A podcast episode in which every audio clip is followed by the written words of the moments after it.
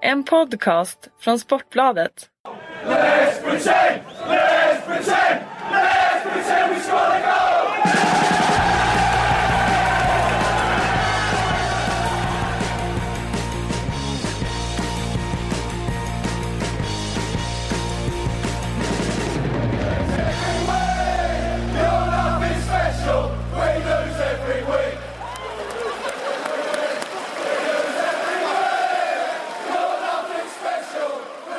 Hej och välkomna säger vi då till alla lyssnare av Sportbladets Premier League-podd. Mitt namn är Patrik Syk, mitt emot mig sitter Kalle Karlsson. Eh, hej och välkomna säger vi också till podden, den enda fotbollspodden som inte kommer prata någonting om Malmö Celtic. Eh, utan vi koncentrerar oss helt och hållet på Premier League, eller hur Kalle? Absolut. Lite Champions League blir det ju, eftersom Manchester United spelar där. Ja precis, lite om. Champions League kan vi väva in men just Malmö-matchen den kan vi lämna till, eh, Till andra. övriga. Kan ju rekommendera 51% fotboll som pratade, jag tror, en timme och 40 minuter om eh, den matchen igår här som vi la ut. Så de har fyllt den kvoten.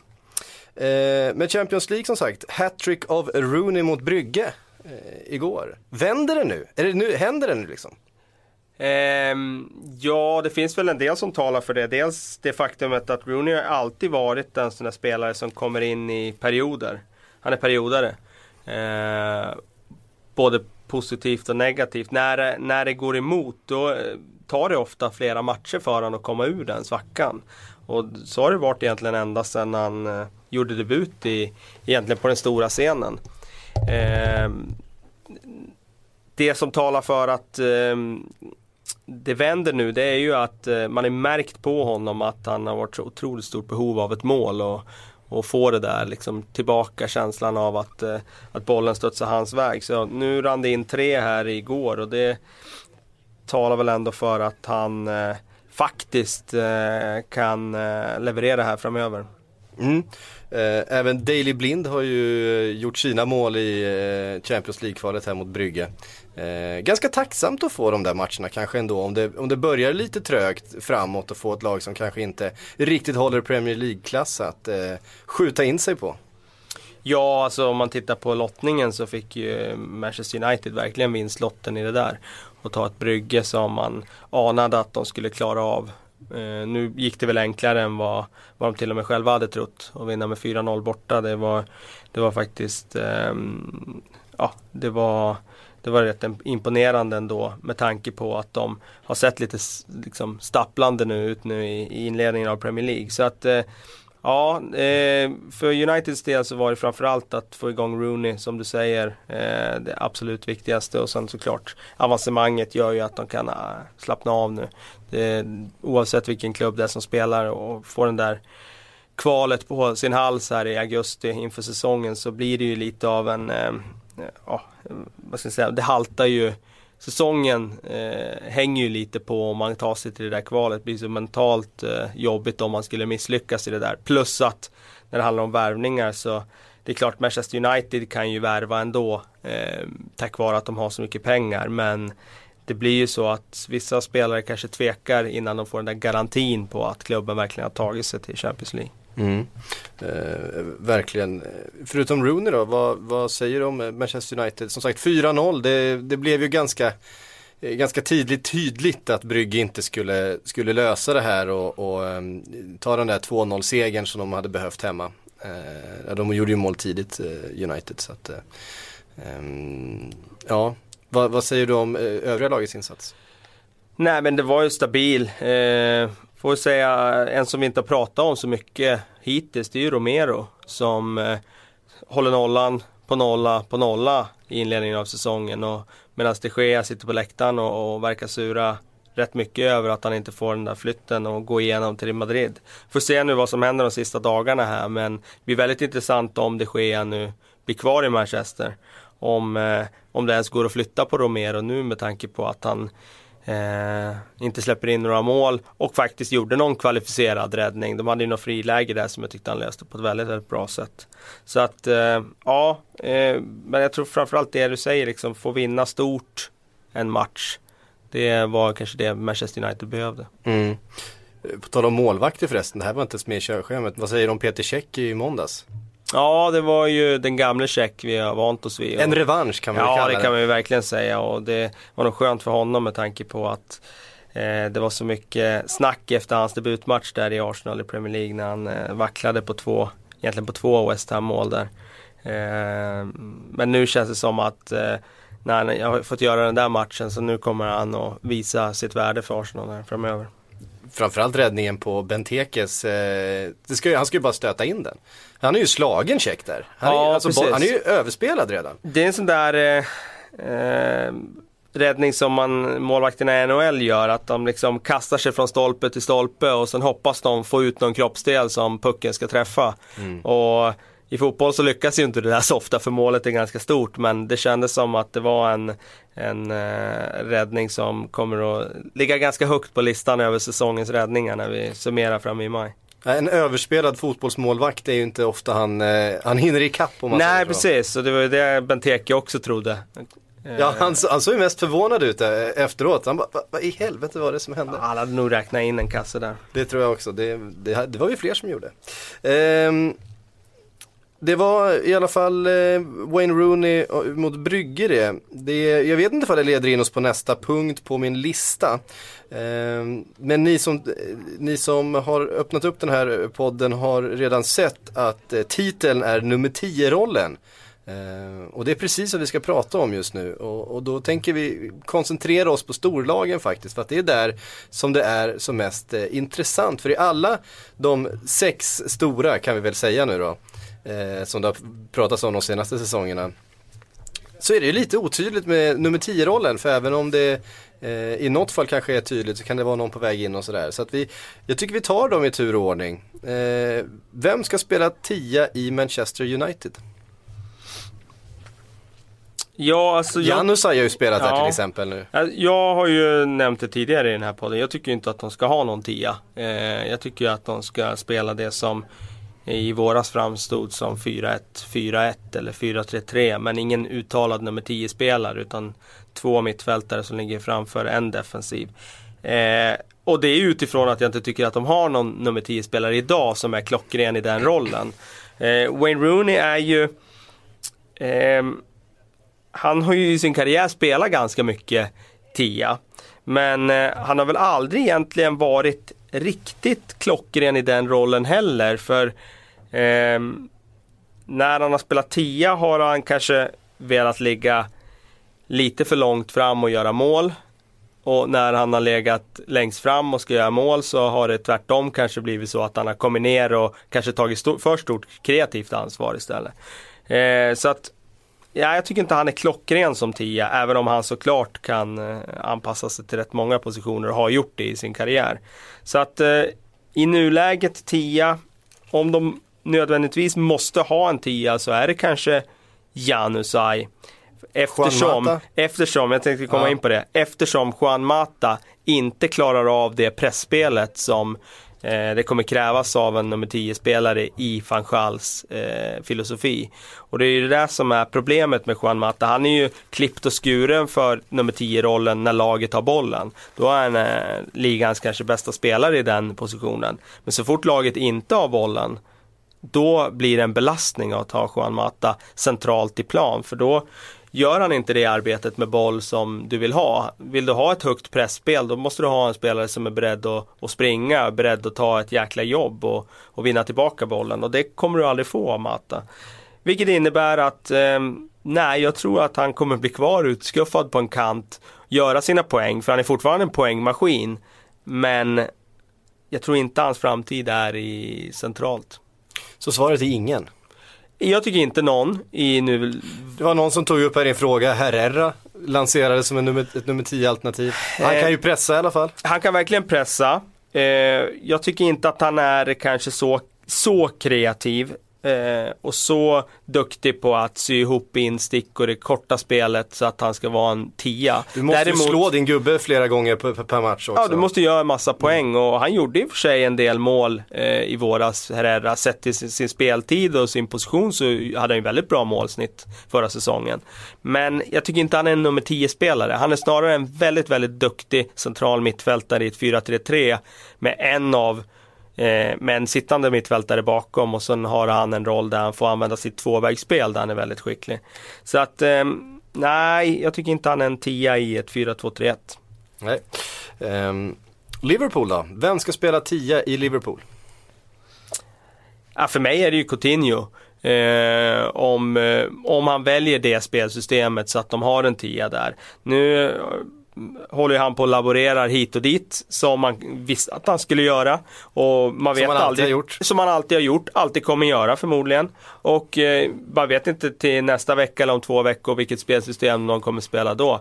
Men tanken från början var ju 4-3-3 och då såg man ju ingen uttalad tia utan en Coutinho som kanske skulle starta från vänster och, och kliva inåt i banan. Jag tror ju att det kommer vara det som är utgångspunkten här framöver. Men vem vet vad vi har på Brendan. Men ska någon spela tia i Liverpool så är det ju Coutinho.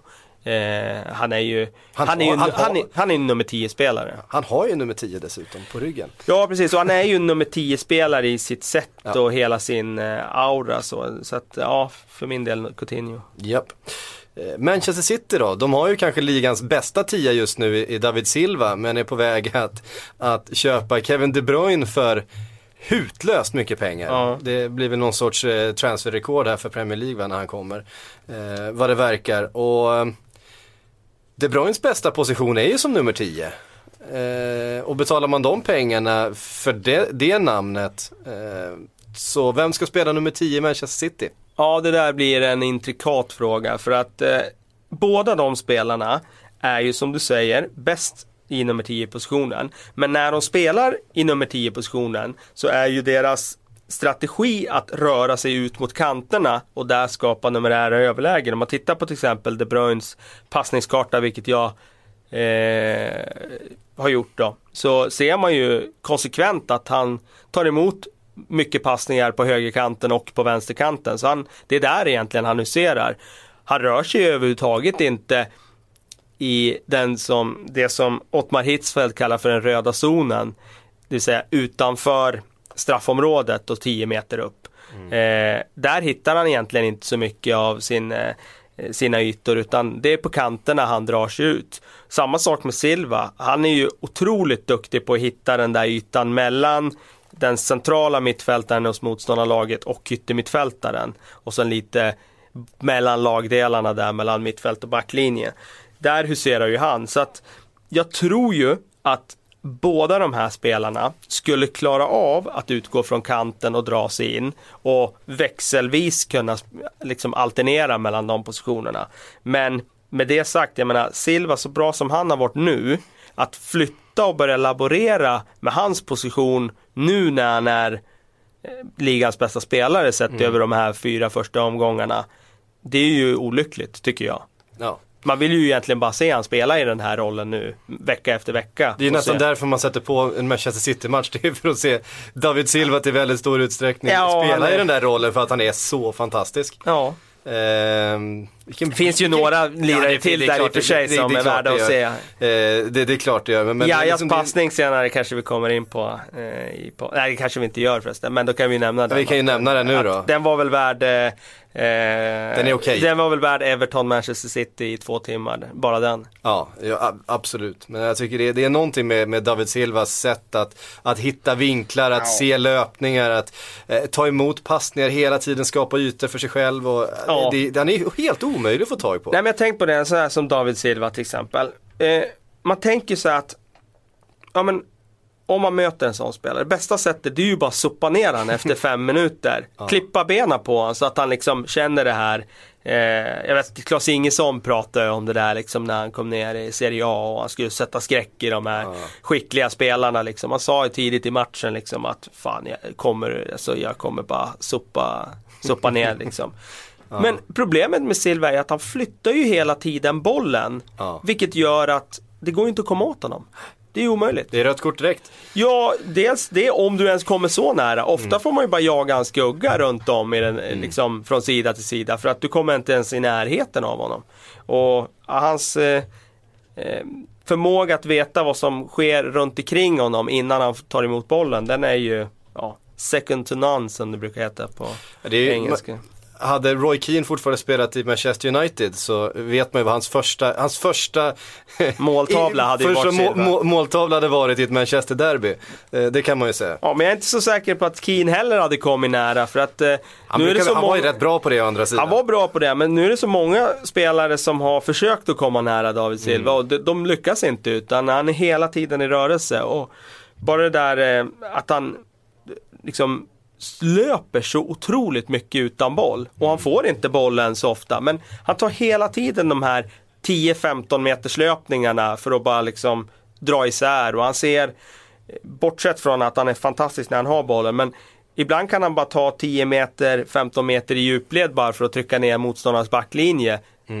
Trots att han är en sån spelare som man tänker, han vill alltid ha bollen själv på fötterna. Men han gör den där typen av grejer också. Så att, ja, han är en eh, otroligt nyttig spelare också. Mm, verkligen. Ehm, Arsenal, vem ska spela nummer 10? De har ganska många alternativ. De har många alternativ. Eh, jag tycker det beror på lite också på match. Eh, vilken motståndare har du? Eh, jag menar, man kan ju se absolut ett scenario där man eh, mot en mer ett tuffare motstånd på bortaplan då, om jag säger så. Att man kan sätta Aaron Ramsey i den rollen, till exempel. Och ha en Oxlade Chamberlain till höger och kanske Alexis Sanchez till vänster. Då får du två eh, riktigt, riktigt speediga och löpstarka spelare på varsin kant om du behöver stänga det defensivt. För det gör ju inte Özil. Eh, men det är klart att Mesut Özil är ju kanske den spelaren som lider mest av Arsenals spelare på att bli utskuffad på en kant. Så att i nuläget skulle jag ju starta med han som tia och eh, låta han eh, vandra lite fritt. Han gör ju också lite som Silva, han drar sig ut mot kanterna och skapar numerära överlägen och, och så. Så att eh, ja, Özil i första läget. Sen gillar jag Santi Cazorla också. I, Santi Cazorla är ju han en magisk spelare men han har ju hittat så eh, rätt i sin ja. sittande roll nu så att eh, han känns ganska gjuten där. Att det, det, man märker att Arsenal är ett bättre fotbollslag när han spelar där än när han inte gör det. Ehm, den där passningen fram till målet som blev bortdömt till Ja, bara- Ramsey. Om vi nämnde Yahya Tourés passning Så är där så får vi nästan nämna Cazorlas passning där också. Den var, Ja. Nej men absolut. Samtidigt finns det ju den där farhågan liksom om de är eh, Jag vet att det var en eh, intressant diskussion i Sky Sports med eh, Henri och Neville och de där. Om, om Arsenal är, om det går att vinna ligan med Coquelin och, och Mm. Santi Cazorla. Och eh, det finns ju fortfarande ett frågetecken kring det. Alltså det kan se hur bra ut som helst i många matcher. Men sen kommer de där matcherna där man kanske inte klarar kriget riktigt. Alltså att man fysiskt blir nedbruten på just att man inte är, man inte har den där riktiga eh, kraften i kombination med skicklighet som kanske Chelsea har. Eller Manchester City har. Så att, ehm, ja. Det finns fortfarande ett frågetecken där. Mm. Ehm, vi kommer tillbaka till Arsenal lite senare. Vi ska prata om deras möte mot Newcastle i helgen. Vi kommer nämna Callum Chambers insats eh, från i måndags. För den är, den är värd ett omnämnande ändå får man säga. Ehm, han hade en jobbig, jobbig kväll. Ehm, men vi går vidare på listan. Vem ska spela nummer 10 i Chelsea? Eh, det ska Oscar göra. Eh, jag Men gör det inte alltid. Det gör han inte alltid. Men eh, det kommer ju bli att nu att när Pedro kommer in och är så här bra direkt så kommer han att få högerflanken i, i första hand. Och då kommer William och Oscar slåss om eh, den centrala platsen. Och William har ju fått den nu lite utifrån att Oscar inte har varit eh, tipptopp nu senaste veckorna rent fysiskt. Eh, men jag tycker nog att Oscar ger Chelsea någonting med sin rörlighet, sitt tvåvägsspel och han gör mer poäng än vad William gör. Eh, om han spelar där. Så att eh, ja, jag skulle säga Oscar då. Mm. Ehm, lättast hittills. Utav, utav lagen vi har valt att hitta en nummer 10. Mhm. Eh, ja, kanske med undantag för Liverpool då. Eh, sista laget som vi tar upp här. Vem ska spela nummer 10 i Tottenham? Ja men den är inte lätt. Nej. Nej.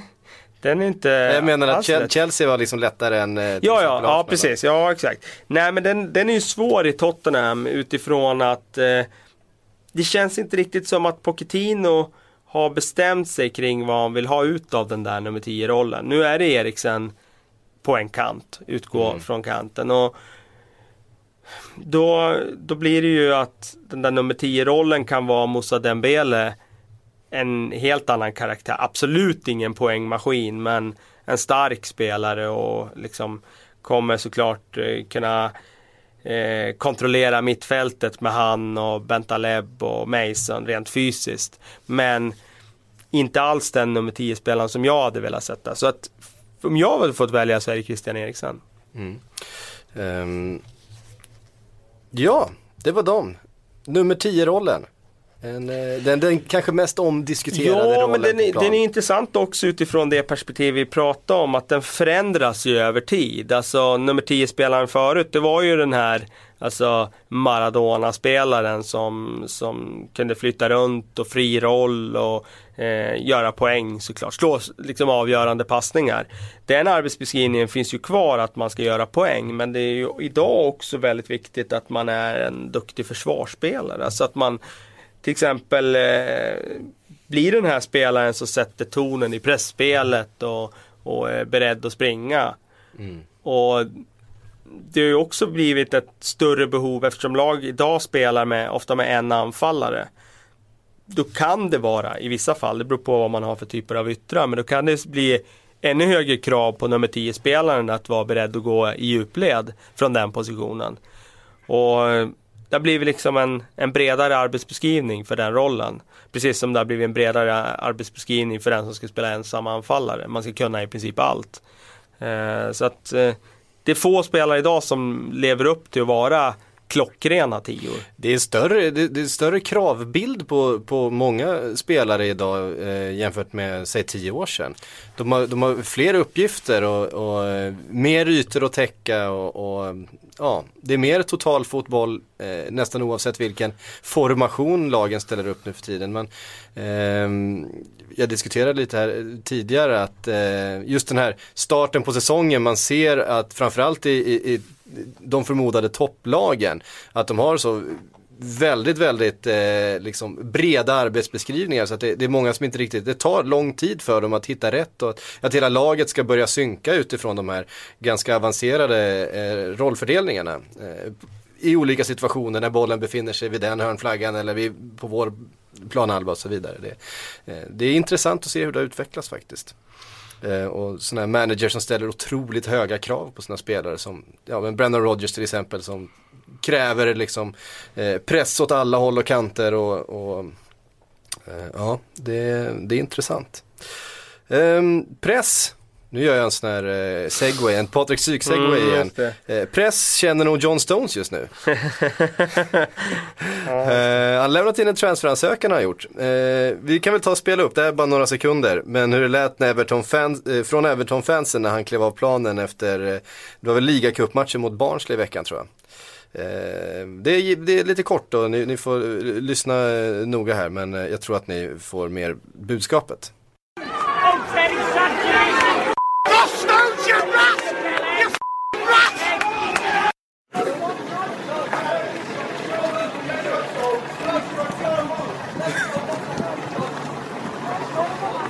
Mm. Inte helt nöjda supportrar. Eh, you fucking rat. Eh, om det var någon som inte riktigt uppfattade vad det var han skrek den upp, upprörde mannen eh, nära mikrofonen. Eh, det är lite jobbigt för John Stones just nu. Eh, för så här så, eh, han har lämnat in en transferansökan.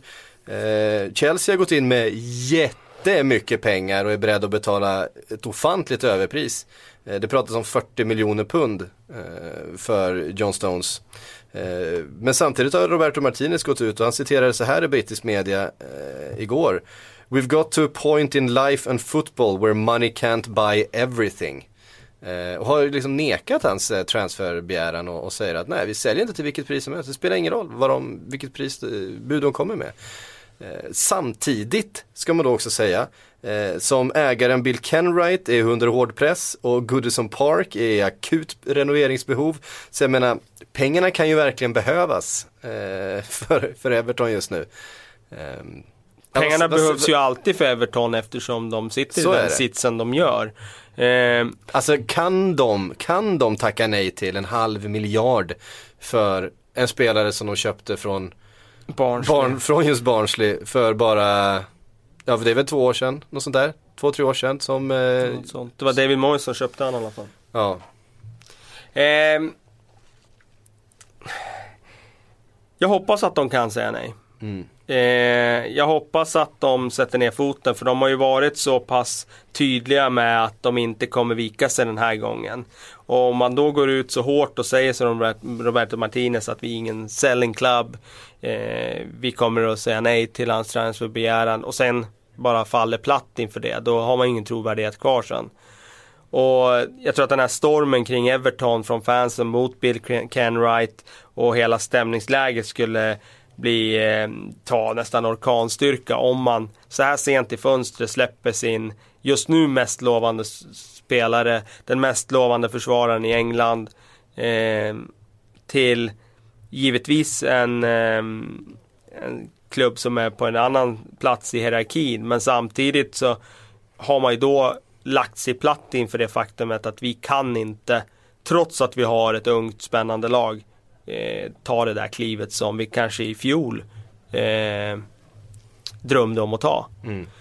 Eh, Så att jag hoppas verkligen att man står emot och jag tror att man kommer göra det. Jag tror att Martinez har varit så eh, han har varit så eh, tydlig med det så att jag tror att de kommer stå emot. Sen får vi se vad som händer nästa sommar. Eh, då eh, finns det väl fog för att tro att han kommer att lämna. Men jag tror att de står emot den här gången. Kan bli lite dålig stämning i omklädningsrummet där. när- Ja han men ju liksom- sådär, alltså där tror jag inte, alltså dålig stämning, alltså det är så, Det är ju sådana här saker som händer hela tiden. Eh, och i omklädningsrummet där eh, viftar ju spelarna bara bort sånt där. Jag menar Suarez han ville gå till Arsenal. Eh, det var ingen som brydde sig om det. De gjorde världens supersäsong det året. Efter den transferhistorien. Och det var ingen dålig stämning i omklädningsrummet där. Så att, och då ville han nästan gå till en klubb som nästan var på samma nivå då. Det enda var väl att de spelar Champions League. Det var enda skillnaden. Mm. Eh, Medan John Stones går till en, en klubb som eh, slåss om ligatitlar och vill erövra Europa också. Eh, så att eh, jag tror inte att det blir något problem så utan bara man visar när man, när man väl har liksom fått beslutet fattat. Du ska vara kvar där du är. Om du bara då knyter näven och visar att du mm, liksom bryr dig om din klubb på och utanför planen. Så då, då förlåter alla jämt. Även om de säger något annat så är det så. Ja. Eh, ja, helt klart. Det är det som räknas. Och... Men eh, det blir intressant jag, jag, också. jag det kan bli också lite sådär, eh, alltså Everton-supportrarna står och skriker You fucking rat åt en 21-åring som kom till klubben som 19-åring. Ehm, Ja, nej men alltså det är det där jag menar med det här med klubbkänsla. Om han hade haft klubbkänsla då skulle han ju stanna i Barnsley. Eh, och det är ju det där som är, det där som blir så fel. att eh, Man tycker ju alltid att spelarna ska ha klubbkänsla för sin klubb. Alltså den klubb man själv liksom brinner för. Men alltså det, systemet funkar ju som så att spelare ska gå till större klubbar. För om spelare skulle liksom vara livegna och bara bry sig om sin klubb, ja men då skulle ju talangerna här i Sverige, de skulle inte gå till IFK Göteborg, AIK och, och Djurgården utan de skulle stanna i sin division 3-klubb ute på landet. Men så funkar det ju inte. eh, verkligen inte. Eh, en kille som har gjort en, eh, tagit ett kliv, ganska, ganska rejält kliv eh, de senaste sex månaderna är Joe Gomez som eh, startat tre raka matcher för Liverpool eh, som vänsterback.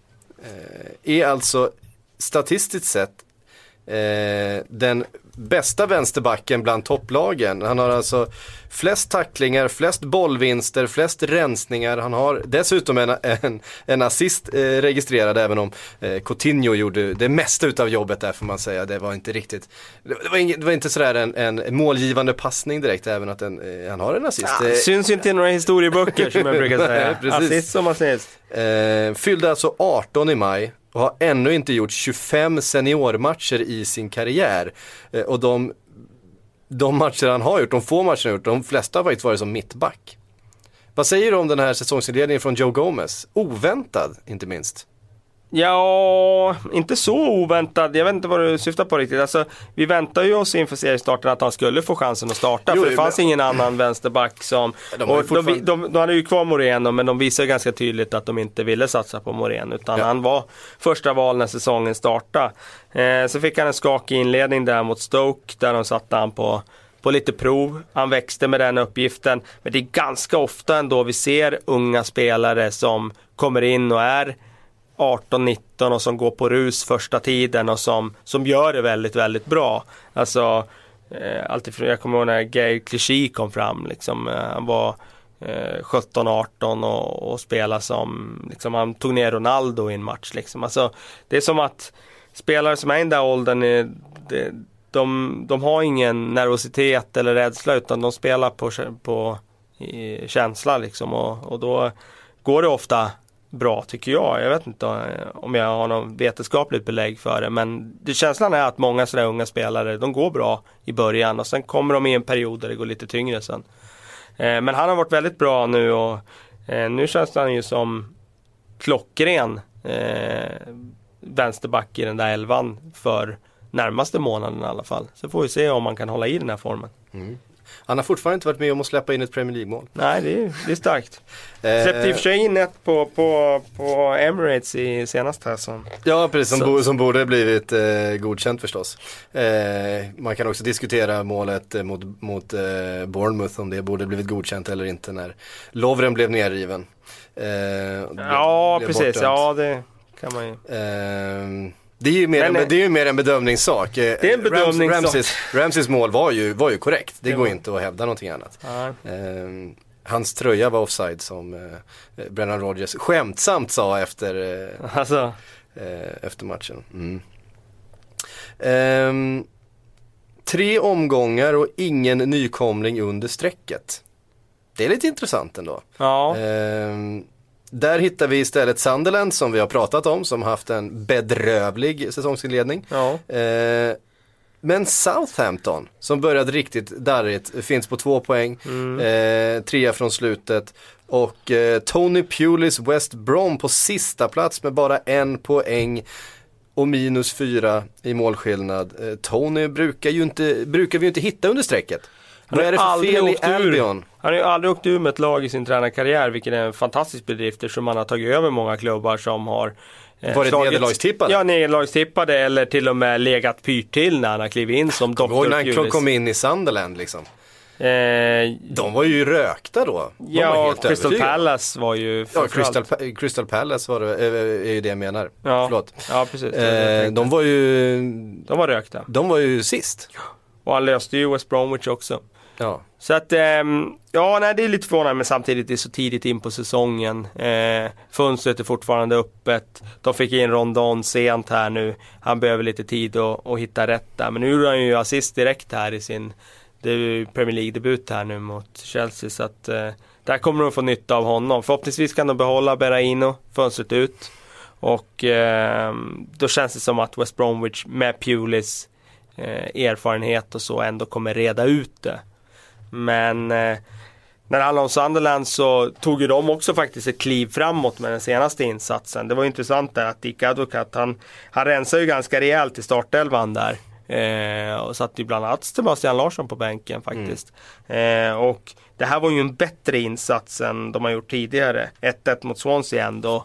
Det är ju Det är meriterande. Ju det är ju klart godkänt. Ja, det är det. Och de hade även chanser på mer då, bud på mer. Så att eh, känns ändå, Defoe gjorde mål. Det var ju lite diskussion om det där kring hans position. Han spelade på kanten. Han kom i en perfekt löpning in från kanten och gjorde mål. Eh, han kan uppenbarligen då göra mål även från kanten. Eh, Defoe kan alltid göra Ja, han kan ju det. Och nu med 1 senast så förhoppningsvis fick de en liten positiv känsla med sig nu inför fortsättningen. För att det som var under de första omgångarna där, det var ju bara deprimerande att se. Verkligen, men Southampton. Förra årets succélag, eh, laget som har blivit Ja precis, det var det du frågade om kanske. två- två år Snacka om alla andra lag där istället. men, nej, men om vi tar Southampton så, alltså de, de tappar ju väldigt mycket spelare där efter första succéåret. Och det kunde de parera för de hade eh, fortfarande en bra stomme centralt i banan med Davis, Wanyama, Schneiderlin. Eh, de hade, fick en bonusvärvning i Alde Fereld som kom in och löste luckan efter Dejan Lovren på ett fantastiskt sätt. De Pelle hade- var- var Pelle kom in och eh, gjorde Eh, succé Mané. där framme. Mané var succé. När man tappar spelare igen nu. Jag menar, ta Klein till exempel. De tappar Chambers. Men Klein var ju bättre. Ja, Vilket innebar att förlusten av Chambers den var försumbar i det korta perspektivet. Självklart var det ett problem att tappa en ung egenfostrad spelare så. Men i det korta perspektivet var det ingen förlust. Men nu har man tappat spelare igen och jag tror att det i kombination med att man i år eh, är med ute i Europa. Det kommer att sätta sina spår. Och jag minns inte var jag tippade Sunderland men det var ju knappast upp mot 6-7 utan jag tror att det är där någonstans i mitten av tabellen de kommer husera. Och det är ju möjligt att de får ännu tuffare än så. Eh, större än så är ju inte skillnaden när de här lagen på undre halvan kan värva en Rondon till exempel. Eh, så att får man lite resultat emot sig, till exempel åker på någon tung skada här framöver, då kan man få kriga liksom vid strecket under hela hösten innan jag tror att till slut tror jag att Southampton kommer komma in i en bra period och sen kommer man liksom ta tre, fyra segrar i rad och så och så lägger man lite distans till det där Ja, strecket precis. och så Och slappnar så man blir av det lite det. grann. och Ja, så, ja. exakt. Och jag menar, men tar man deras resultat från, ja men liksom, jag vet inte om det är från nyår eller om det är från första februari. Då är det mediokra resultat. Det Mm. är riktigt, riktigt svaga resultat för Southampton från första februari och framåt. Eller vad det nu är för datum. Ja, då Men- går de ju tvåa, trea i tabellen. Ja, alltså de var ju uppe och hugg på fjärdeplatsen då. Och, och, och slogs verkligen och var en rejäl kandidat. Men sen föll man ihop och det är klart, nu är vi framme i, snart i september här. Det är ganska lång period nu där man har gjort mediokra resultat. Så att det kanske är så att det är en trend vi ser. Det är, det är ingen liksom svacka utan det är en det är en... Det är ett lag som helt enkelt eh, till slut känner av sviterna av att ha blivit sönderköpt eh, Ja, jag tror det. av, av större klubbar i ligan. jag tror det. För eh, om man tittar på, på, Sen är på spelarna skadad har- också. Ehm, ja, precis. Eh, som ju var en av de bästa spelarna förra säsongen. Ja, i- hösten framförallt var ju väldigt, Ja. väldigt bra. Um, Jay Rodriguez tillbaks. Mm. Men han är ju lite rostig fortfarande. Han spelade ju inte en minut förra säsongen. Nej, och eh, jag menar ta en sån som Jay Rodriguez. Tänker man ju att eh, nu får vi tillbaka Jay Rodriguez. Han var ju fantastisk innan sin skada. Ja, men det var ju nästan ett och ett halvt år sedan. Alltså man får nog förstå att det kommer ta lite tid innan han är liksom- om han ens någonsin kommer tillbaka i den formen. inte, men det- där nej, så det är klart. det är en så pass lång frånvaro så att det kan påverka en karriär ganska drastiskt. Tack och lov är han ju fortfarande ung och har tiden för sig. Så jag hoppas, tror och hoppas att han gör det. Han var väldigt fin där eh, under Pochettino. Eh, den säsongen där när de eh, var uppe eh, för två säsonger sedan. Verkligen. Eh, han och Lalana. Eh, superduo. Eh, hörru, jag tänkte vi skulle kolla lite på, för att vi var inne på det, det är några riktigt sköna matcher i helgen. Eh, inte några sådana här eh, toppmöten och stormatcher och Super Sunday-grejer men, men Det är alltid Super Sunday är i alltid, Premier League. det är alltid Super? Sunday förstås. Men Allt är Super Sunday. Vadå, Southampton Norwich, är inte det Super Sunday menar du? det är klart det. Eh, det kanske, det är ju en sträckmatch. Exakt. För mig är det Super Sunday. Men alla, det, det är allt, varenda Premier League-match är super Jag har ju ett val där, antingen spela division 6-match där på söndagen eller se Southampton Norwich och det blir ju Southampton Norwich. Såklart. Men jag tänkte börja, vi, vi, vi tar och tittar närmare på fem av dem. Jag har faktiskt inte ens tagit med Southampton Norwich.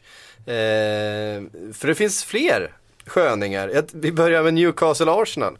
Eh, det blir väl 4-4? Eh, det borde det bli Och Jönsson, Jönsson, väl Jönsson spelar alltid 4-4 när de möts nu på den. Ja, Det är, en, eh, det är en tradition han har. ja. TOT hoppar in från bänken och pangar in 4-4 från 20 meter på volley. Odds på att Mitrovic blir utvisad? Ehm, om jag ska sätta på, på, på riktigt ett odds så ska jag säga Det är nog ändå Ja det är nog ändå en åtta gånger pengarna. Det är ändå Ja. väldigt lågt. Det är lågt, det är lågt. Men han är ju Han är ju en sån spelare som eh, är liksom aggressiv och lätt blir lite väl uppskruvad. Han, han hade ju kunnat haft två röda kort redan nu. Han skulle ju definitivt ha haft det det första han gjorde i Premier League. Ja. Det var ju ett rött kort. Ja. Eh, att han inte fick det då var ju Det var ju nog bara utifrån det faktum att precis hade blivit inbytt. Mm. För annars går det inte att få det till något annat än rött. Eh, så att ja, nej, han är, han är spelare med vassa armbågar. Ja, han är ju en riktig gris alltså. Vad skönt, jag blir så glad av sånt. Du, du känner ju mig Kalle, du vet hur Ja, glad, glad jag blir av sånt. Ehm, och Florian Thauvin har de fått in också. Också en, en het sporre. ehm, som kom in här nu och eh, stod väl för en assist i eh, ligacup eh, match mot vilka det var de mötte nu senast, minns inte riktigt. Eh, han har kommit in i alla fall och lär starta mot eh, Arsenal som hade det skakigt bakåt i måndags, minst sagt. Eh, Koscielny fortfarande skadad. Per Mertesacker Per osäker. Mertesacker eh, osäker. Han är ju, Mm. jag vet inte vad det är för sjuk, någon influensa han har dragit på sig av något slag. Eh, sjuk i alla fall, det är ju ingen skada. Eh, Callum Chambers såg inte något vidare ut mot Liverpool. Nej, han hade det riktigt, riktigt jobbigt. Det var, det var smärtsamt att se. Eh, en ung spelare som man liksom såg eh, göra enorma framsteg när han kom fram i SA-15. Eh, var ju riktigt bra på tal om den där Pochettino-året där. Eh, då Tyckte typ att han 18. gjorde en jättefin match när han gjorde debut i Arsenal där som mittback i Community Shield förra året. Eh, men sen fick han ju problem förra året när han spelade högerback mot snabba spelare. Han blev ju fullständigt förnedrad av Montero till exempel mot Swansea. Eh, och han kom ju inte riktigt till sin rätt under debutåret i Arsenal. Men att se nu ett år senare nu när han ändå ska liksom ha landat i Arsenal och, och se att han är så här osäker.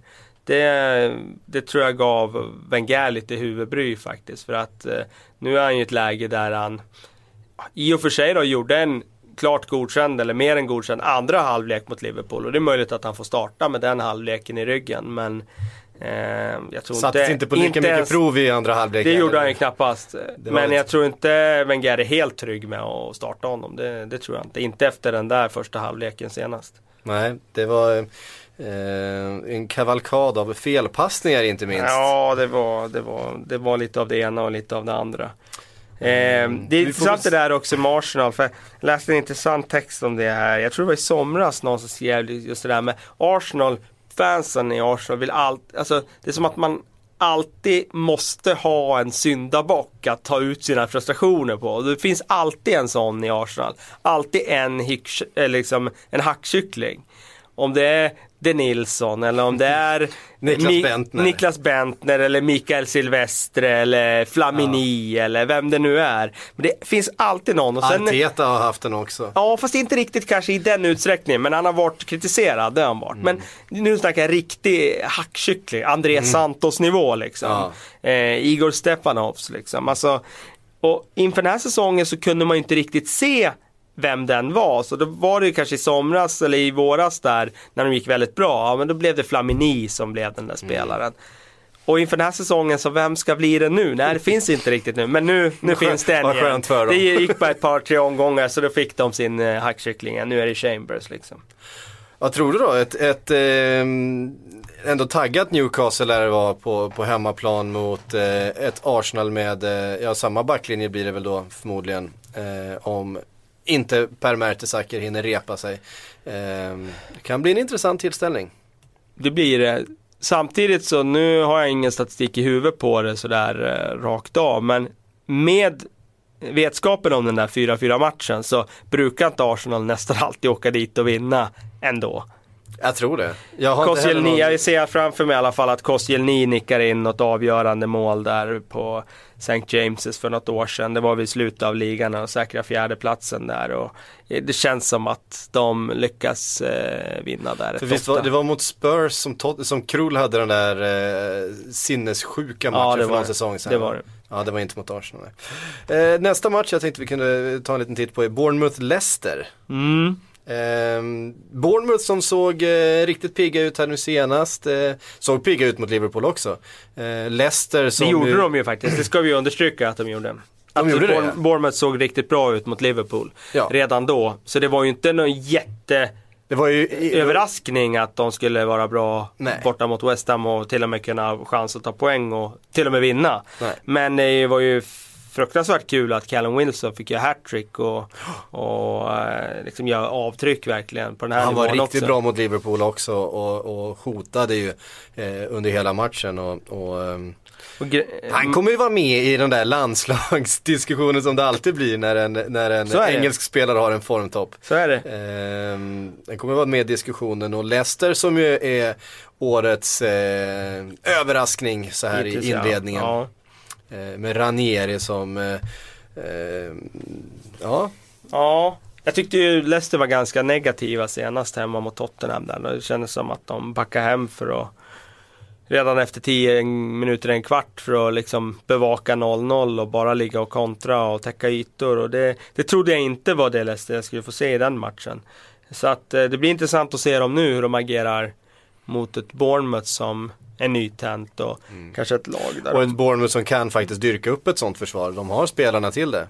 Eh, Ja, samtidigt kan man ju se att oj vad de kommer bjuda på kontringsläge och oj vad fort Mm. det kommer gå när Mares, Okazaki och Wardy sätter fart åt andra hållet. ja, så är det. Så, eh, ja, Eh, ett, ett öga på den då. Pulis-derbyt. Stoke Albion.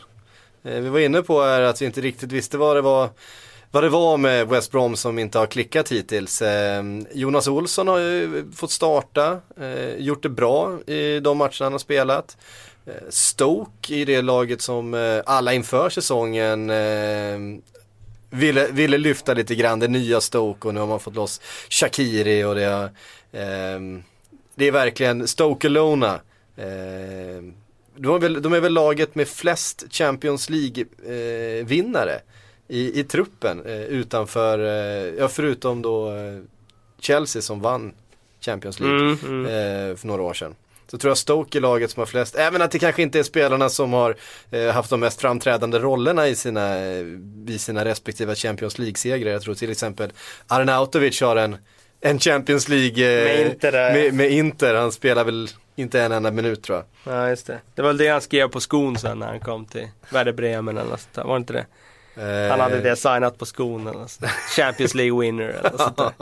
Eh, det, är, det är bra självförtroende på Ja, ja, Arnautovic, ja. det Det, får man gillar säga. vi. Det gillar. Ehm, kan, Stoke, kan det lossna för Stoke nu? De har, inte- det har man inte riktigt fått till det än. Inte fått till det än och det finns ju fortfarande, tycker jag, en farhåga där i skadan på Ryan Shawcross. Hur mycket eh, betyder den? Förmodligen mer än vad man kanske anar med tanke på att han har varit ryggraden i det där laget eh, rätt länge. Så att, eh, ja, där sätter jag ett litet frågetecken för Stokes mittförsvar om de är tillräckligt eh, om de har den där ledaren där bak nu för att hålla ihop det. Så att jag tror att den här formsvackan för Stokes del kan ju skulle kunna hålla i sig en bit in på hösten. Um, Spurs-Everton då? Det är också en, det är en intressant match. ja, det är en intressant match Ehm, för Best of the Rest eh, där. Precis. Everton som jag har, eh, som studsade tillbaks efter den ganska bedrövliga inledningsmatchen. Ehm, så, eh, man borta slog Southampton på ett väldigt imponerande sätt. Mm, jag tyckte att Everton var rätt okej mot City faktiskt. Alltså, det dröjer ändå till en, en halvtimme kvar innan första målet i den matchen Mm. kommer. Den står ju och väger lite där. Jag menar, Lukaku kan göra mål på den där frisparken i första halvlek och då blir det en annan karaktär.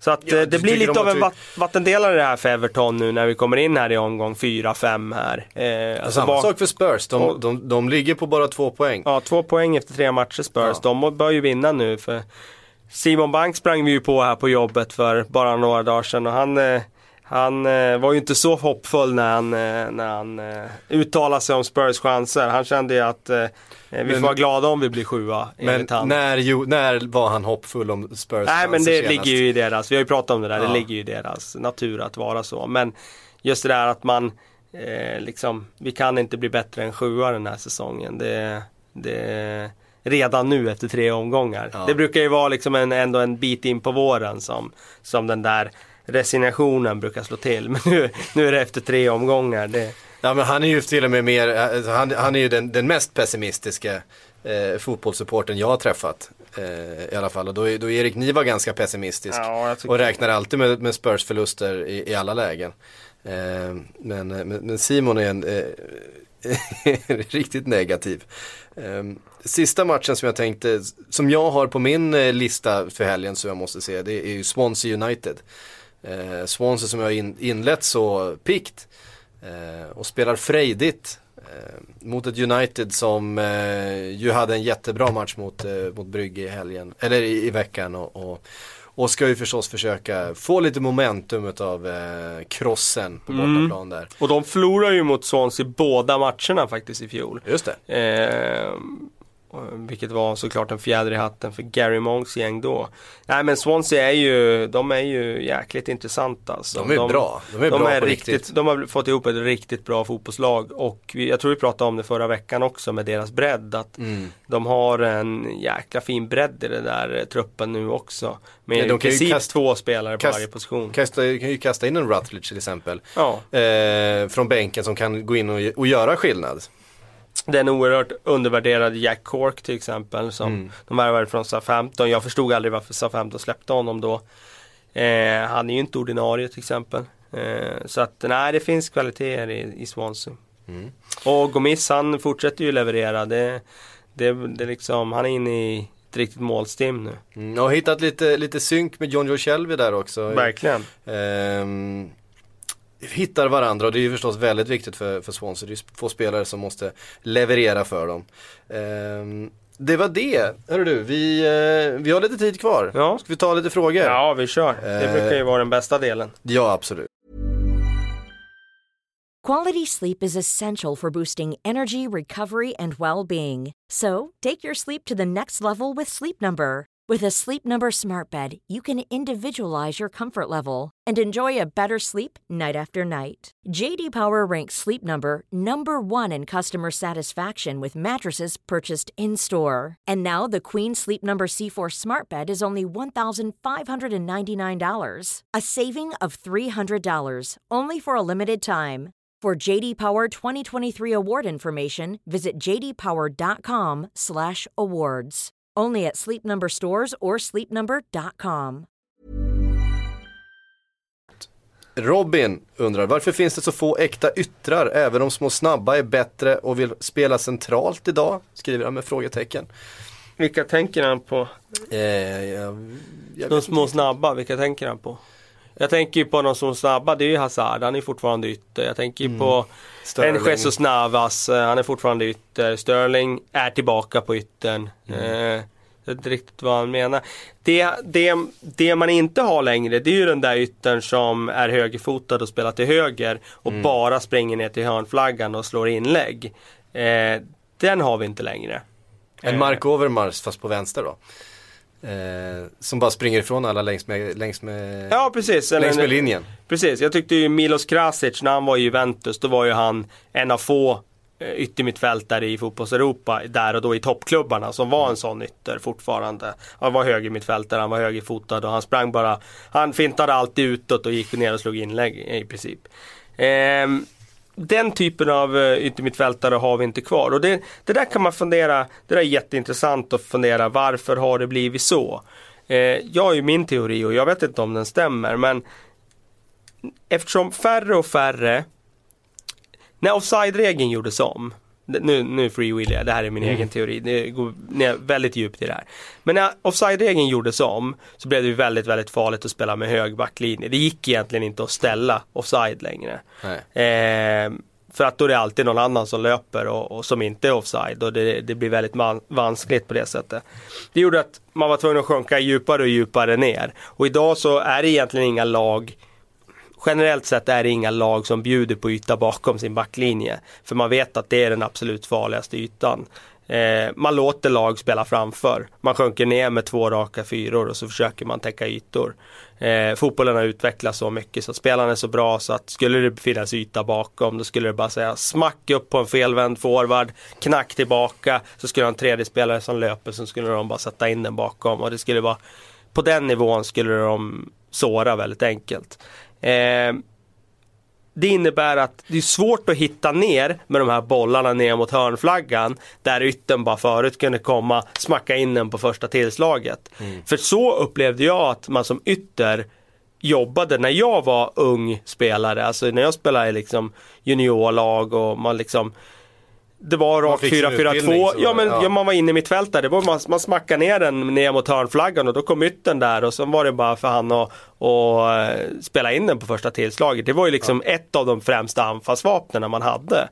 Det har ju försvunnit i och med att det är väldigt svårt att nå med den bollen ner bakom backlinjen på det sättet. Vilket gör då att, okej, okay, om man inte kan sätta den så på en ytter ja men då kanske yttern ska röras inåt i plan istället. Mm. Eh, det, det, blir mer effektivt att röra sig inåt i plan och komma på avslut. Det har blivit mer intressant. Komma med ytterbackar ut, utanför. Ytterbackarna alltså slår ju mycket fler inlägg än vad yt, ja, precis, gör idag. Precis, vilket innebär att då vill du ha din starka fot inåt i plan. Du kan såra mm. mer på det sättet som ytter. Och då, då, då, det är klart, då kanske det blir en annan typ av ytter också som, som eh, som utvecklas utifrån arbetsbeskrivningen. Om du ska gå inåt i plan och styra med din starka fot, då kanske det blir en mer Samin Nasri som, som är, liksom, vad ska jag säga, en, den typen blir mer eh, gångbar som ytter. Istället för att ha den där eh, liksom, snabba, bra på att slå inlägg yttern. Mm. Så att jag vet inte, det är kanske det som har förändrats också. Och fotbollen förändras hela tiden så vi får se vad som händer i framtiden med med hur liksom, rollerna utvecklas. Ja. Eh, där fick vi en, en lång utläggning om, eh, om, om yttermittfältare, det tackar vi för. Kristoffer eh, Åsberg skriver, eh, hur länge tror ni Billage får behålla jobbet i West Ham? Han ser inte riktigt ut att få ordning på laget trots bra nyförvärv. Och Uffe Liljegren skriver, West Ham, one hit wonder mot Arsenal. ja, nej men eh, som, alltså, bjöd, som bjöds lite utav Peter Käck på den segern också. Ska, ska man ju komma ihåg. Ja, även fast, Nej, men de spelar ju bra. Spelade väldigt de spelade bra, väldigt bra. bra fotboll då. Eh, men alltså, Bilic var ju ett populistiskt val, det är ingen tvekan om det. Och utifrån det så tror jag att man ändå kommer ha tålamod med honom. Är vi framme i januari och man ligger och krigar liksom runt strecket. Då tror jag att, man, att han kan få gå för att eh, det är ju enormt viktigt för West Ham nu att man lyckas lösa det här kontraktet säkrat nu med tanke på sin nya arena och så vidare som vi har pratat om så många gånger. Så att jag tror inte att han sitter speciellt säkert eh, framåt nyår om, om, West Ham skulle ligga skrynkligt till. Det tror jag inte. Samtidigt tycker jag att det finns så pass mycket kvaliteter i det där laget att jag tycker inte att de borde ligga skrynkligt till. Och kan de få in Alex Song till exempel eh, så um, det verkar vara lite tveksamheter där kring läkarundersökningen men då skulle det också förbättra chansen avsevärt såklart. Mm. Um.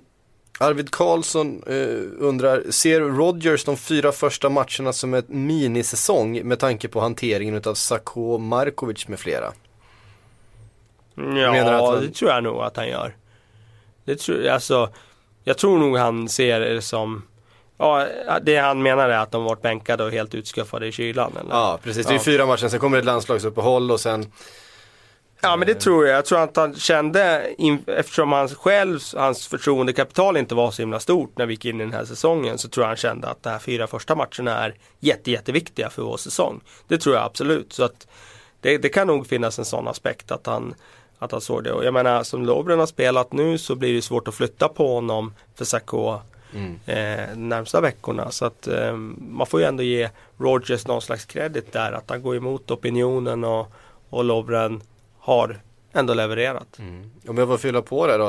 Eh, vi har sett en Lalana som inte riktigt har levererat, en Firmino som inte riktigt ser matchfit ut, en Ibe som inte alls har kommit in mm. i den här säsongen. Eh, Markovic saknar man honom inte lite där? Borde inte han, eh, borde inte han ges chansen? Eller, Vart eh, vill du eller- ha eller- honom då?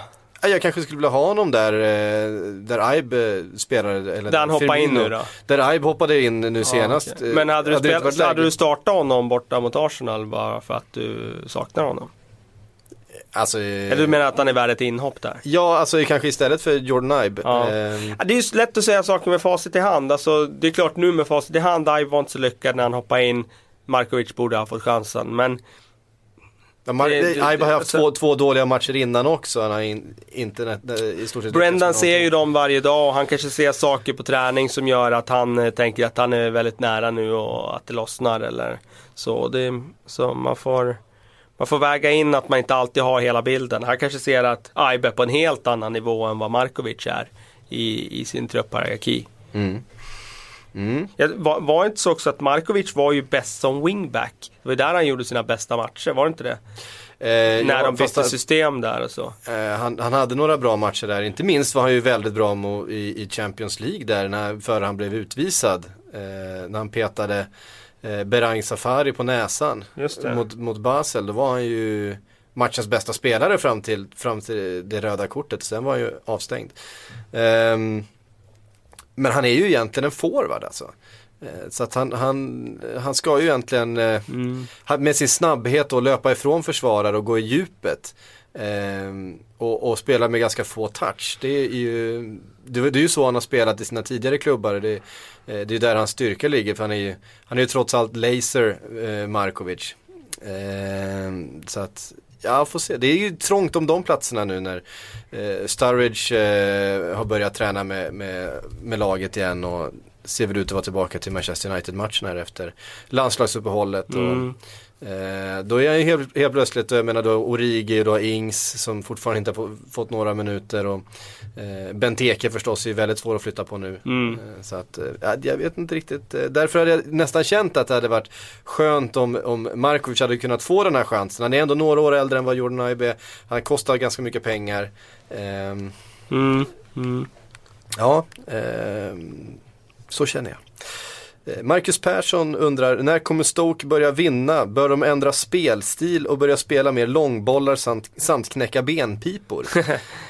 Det blir Ja, men svårt alltså- utan shawcross. Ja, men, alltså, nej, men det är inte bara Shawcross utan de har ju byggt om truppen nu. De har ju tagit in helt andra spelare och du måste ju spela utifrån ditt material. Nu har de ju ett annat material och det går ju inte att börja spela långt nu om de har Shakiri och Afelai och, och Bojan i de offensiva rollerna till Vinner exempel. inte jättemycket nickdueller med dem. Nej, precis. Diouf är ju lite av varje får man ju säga. Han är ju lite av en, han kan ju vara fysisk och, och vinna liksom eh, dueller så. Men eh, nej, jag, jag tycker inte att man ska ändra spelsätt utan eh, de har styrt om och nu får man vara konsekvent med det man jobbar med.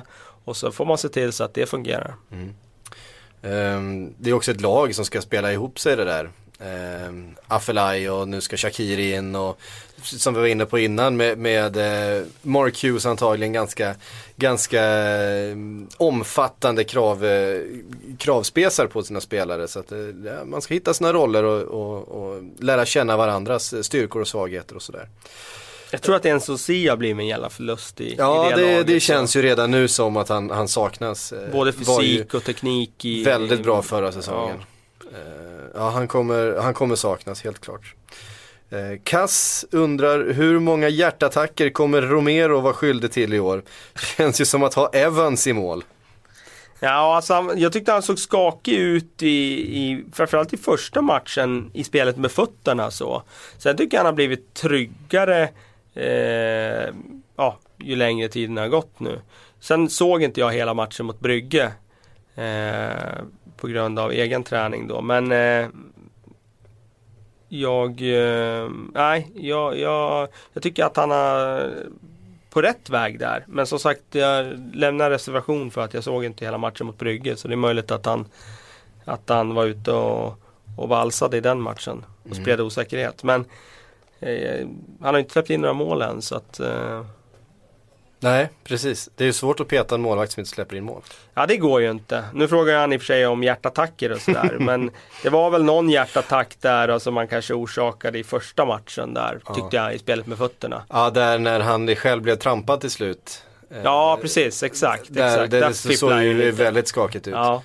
Ehm, eh, ja, Alexander Ådjärs skriver ranka årets snygga slash mindre snygga matchställ. Och du vet ju vad jag tycker om den här frågan för jag tycker det är liksom eh, helt plötsligt är det en massa fotbollskillar som inte kan klä sig själva i stort sett som har svintydliga åsikter om vad som är snyggt och fult. Mhm. Det här är ju inte min fråga. Eh, Jag är ju inte mode... Nej, inte jag heller. Men det, det, det verkar vara sådär. Alltid när det lanseras nya tröjor så, så har eh, folk så extremt starka åsikter om vad som är snyggt och fult och, och sådär. Men vi kan väl i alla fall enas om att Evertons mossgröna märkliga tröja kändes lite fel. Ja, men det köper jag.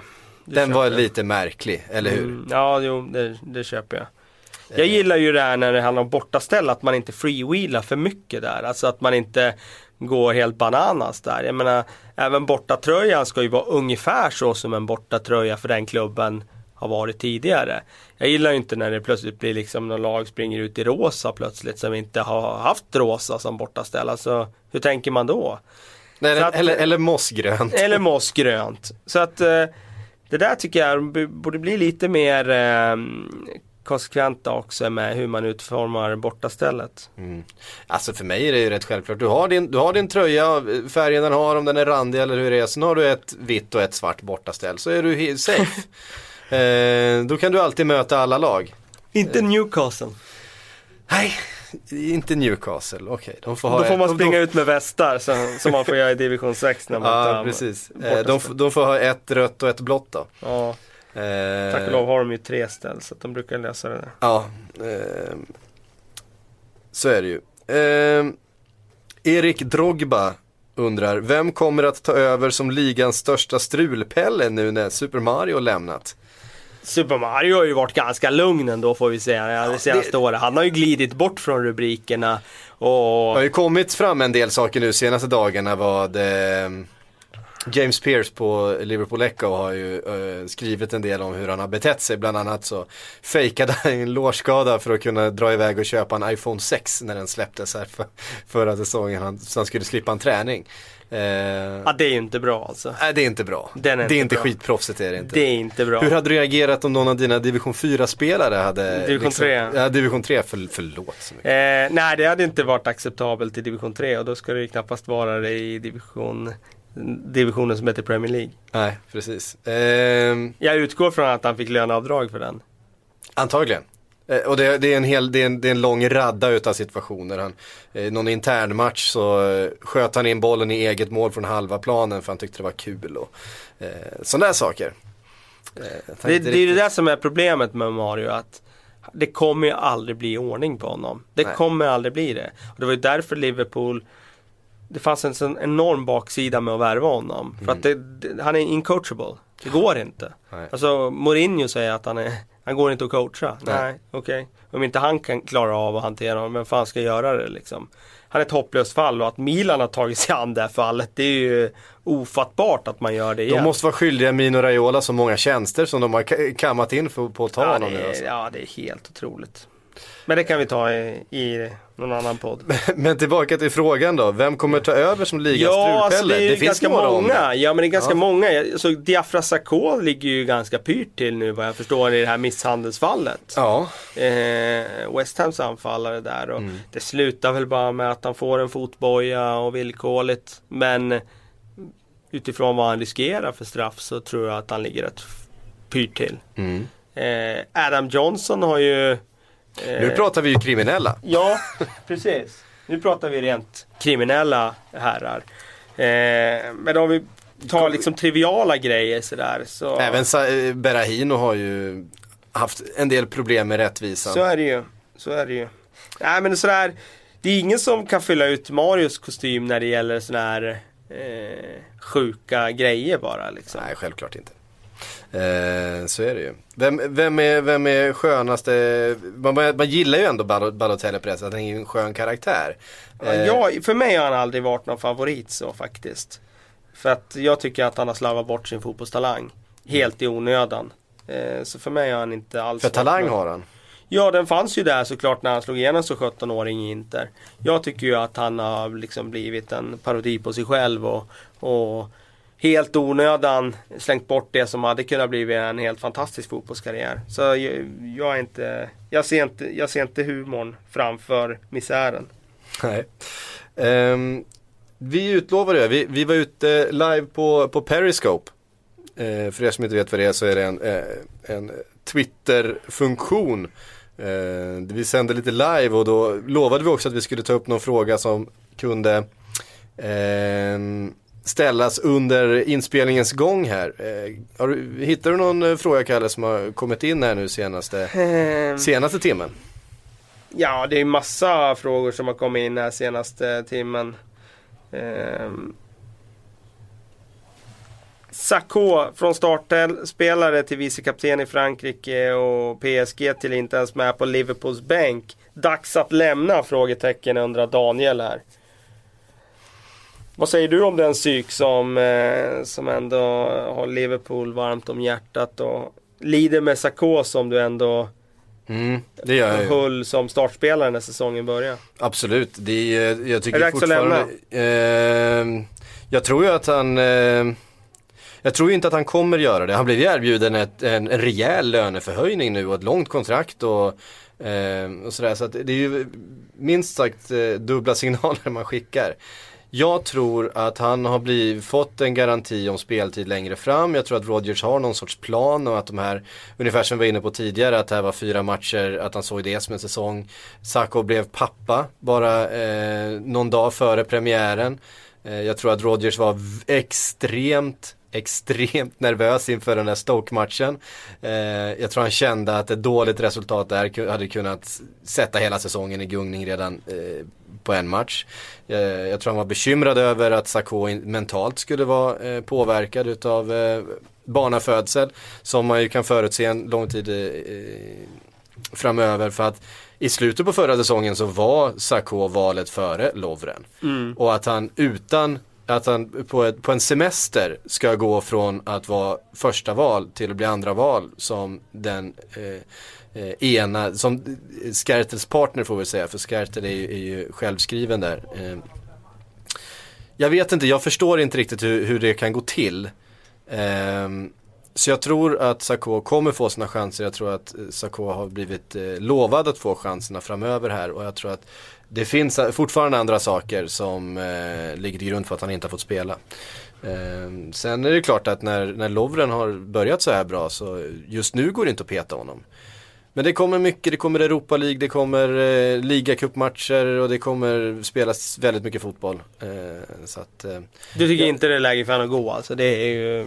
jag, det- jag, jag, jag, tror, jag, jag tror fortfarande att han har en framtid som, eh, som Liverpools nummer ett mittback faktiskt. För jag tror Skertel, eh, han gör kanske sin, sin sista eller sina två sista säsonger här som, Sina två sista. Ja. Ja, eh, som eh, liksom nummer ett i den där backlinjen. Eh, och jag ser Sakho som den mer naturliga liksom, eh, generalen i backlinjen. Jag tycker han är vår, redan nu vår klart bästa mittback. Så att, ja, det är vad jag tror. Sen är det inte säkert att, att Sakho håller med mig. Han lämnade ju PSG som sagt för att han inte fick eh, speltid. Eh, PSG som han älskade över allt annat och vuxit upp med.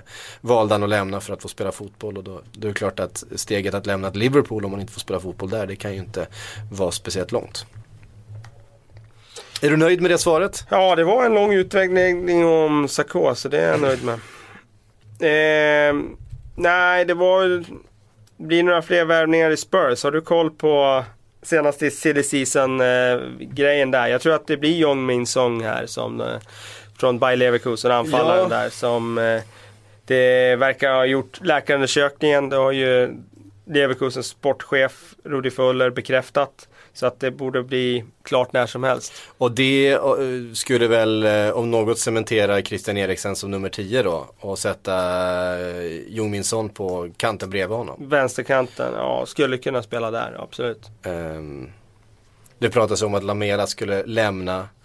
Ehm, annars vet det tusan. Det blir väl kanske inte Berahino då om de eh, löser Jung Min Så- Son. Nej, det tror jag inte.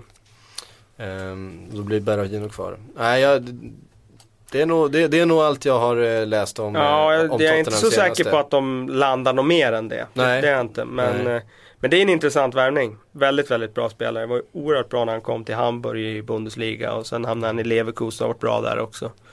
Eh, så att det är en spelare som kan, om Okazaki har gjort det så här bra hittills i Premier League, Jun Min Song är, är bättre. Jung Min Son är riktigt bra. Ja.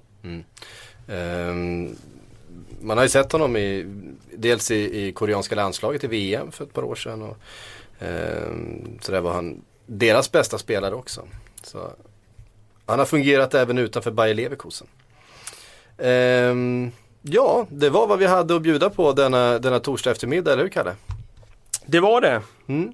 Tack för att du kom, tack för att ni har lyssnat. Ehm, på måndag och tisdag så är det deadline days. Vi kör eh, dubbla sändningar. Eh, håll utkik efter scheman och allting eh, kring det. Så hörs vi och ses då. Sen är Premier League-podden tillbaks om en vecka igen. Tack för att ni har lyssnat. Hej! Let's pretend!